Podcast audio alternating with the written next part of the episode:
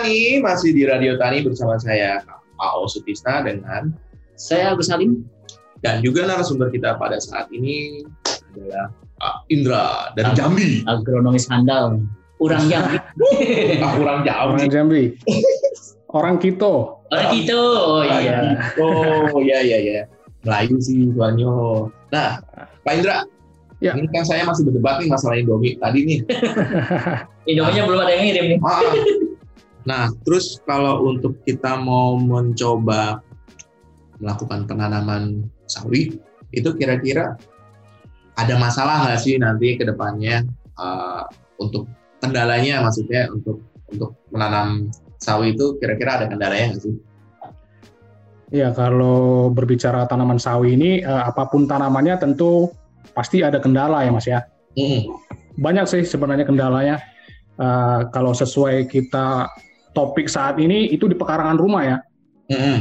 Nah, kalau kita biasanya kalau menanam di pekarangan rumah kan tentu yang namanya eh, ketersediaan tempat itu menjadi salah satu utama ya. Mm. Karena yang namanya pekarangan rumah kan ada yang ada yang luas, ada yang kecil gitu ya.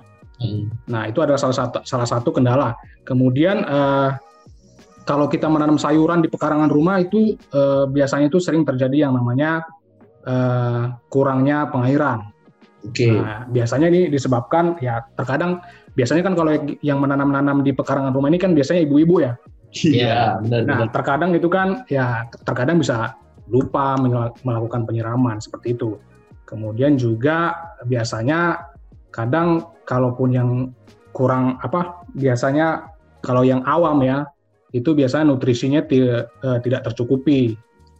Karena kalau menanam di dalam eh, di polybag itu kan biasanya kan unsur hara itu kan terbatas seperti itu, Oh, ya kan? oke. Nah, kemudian juga kalau untuk ulat seperti yang pengalaman-pengalaman saya kalau menggunakan eh, polybag atau pot ini biasanya kalau serangan-serangan ulat itu tidak terlalu eh, ini ya ter- tidak terlalu banyak lah serangannya. Jadi gampang seperti itu. Jadi relatif gampang Kang kalau misalkan kendalanya di tanaman sawi ini. Iya. Itu agak lebih gampang untuk mengatasinya gitu Pak Indra ya. Ya betul. Cuma Karena kan kita menanam skala kecil seperti itu. Untuk skala Hmm, kecil iya. Kang. Ah, artinya untuk pemula kan tidak langsung besar biasanya kan di pekarangan dulu atau Iya, di betul.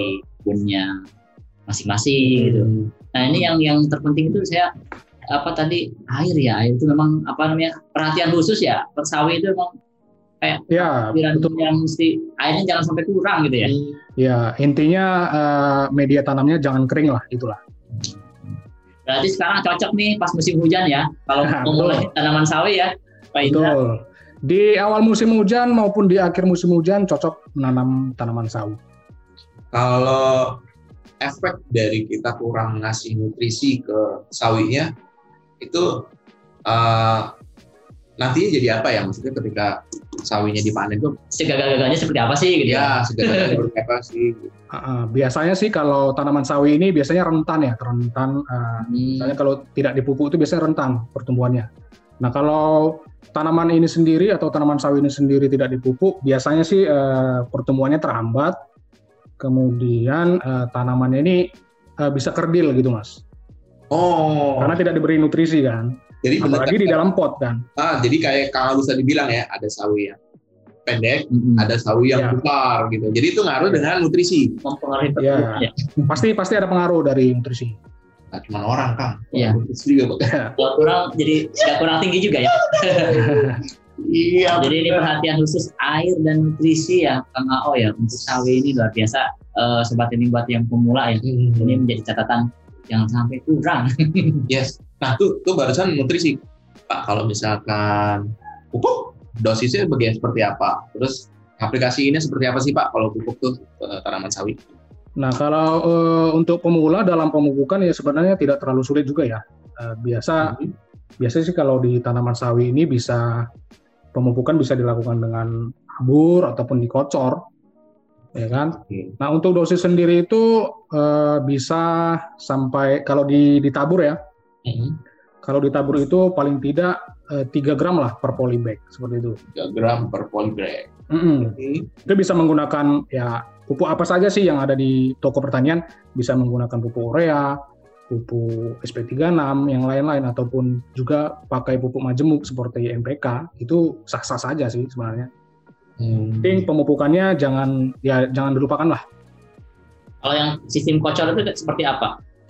Kalau sistem kocor ya kalau seperti kita menggunakan eh, NPK ya pupuk majemuk Eh, itu nyiram bisa ya? kita Nyiram ya? ya buka ya disiram disiram tapi di eh, di media tanamnya Hmm. Oh. begitu Oke. di dicairkan di di air kemudian ya seperti biasa lah kita aduk supaya merata gitu kan Mm-mm. nah kemudian bisa kita yang namanya kita lakukan penyiraman di media atau di sekitar batang lah jangan sampai kena batang Gimana dosisnya kalau yang kocor itu, Pak Indra?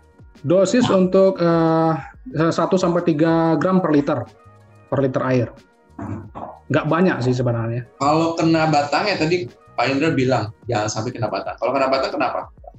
Ya biasanya kalau kita menggunakan yang namanya NPK ya, kalau kita siram terus ke, kemudian nggak sengaja kena daun, nah biasanya itu bisa eh, daunnya itu biasanya bisa eh, seperti terbakar seperti itu mas.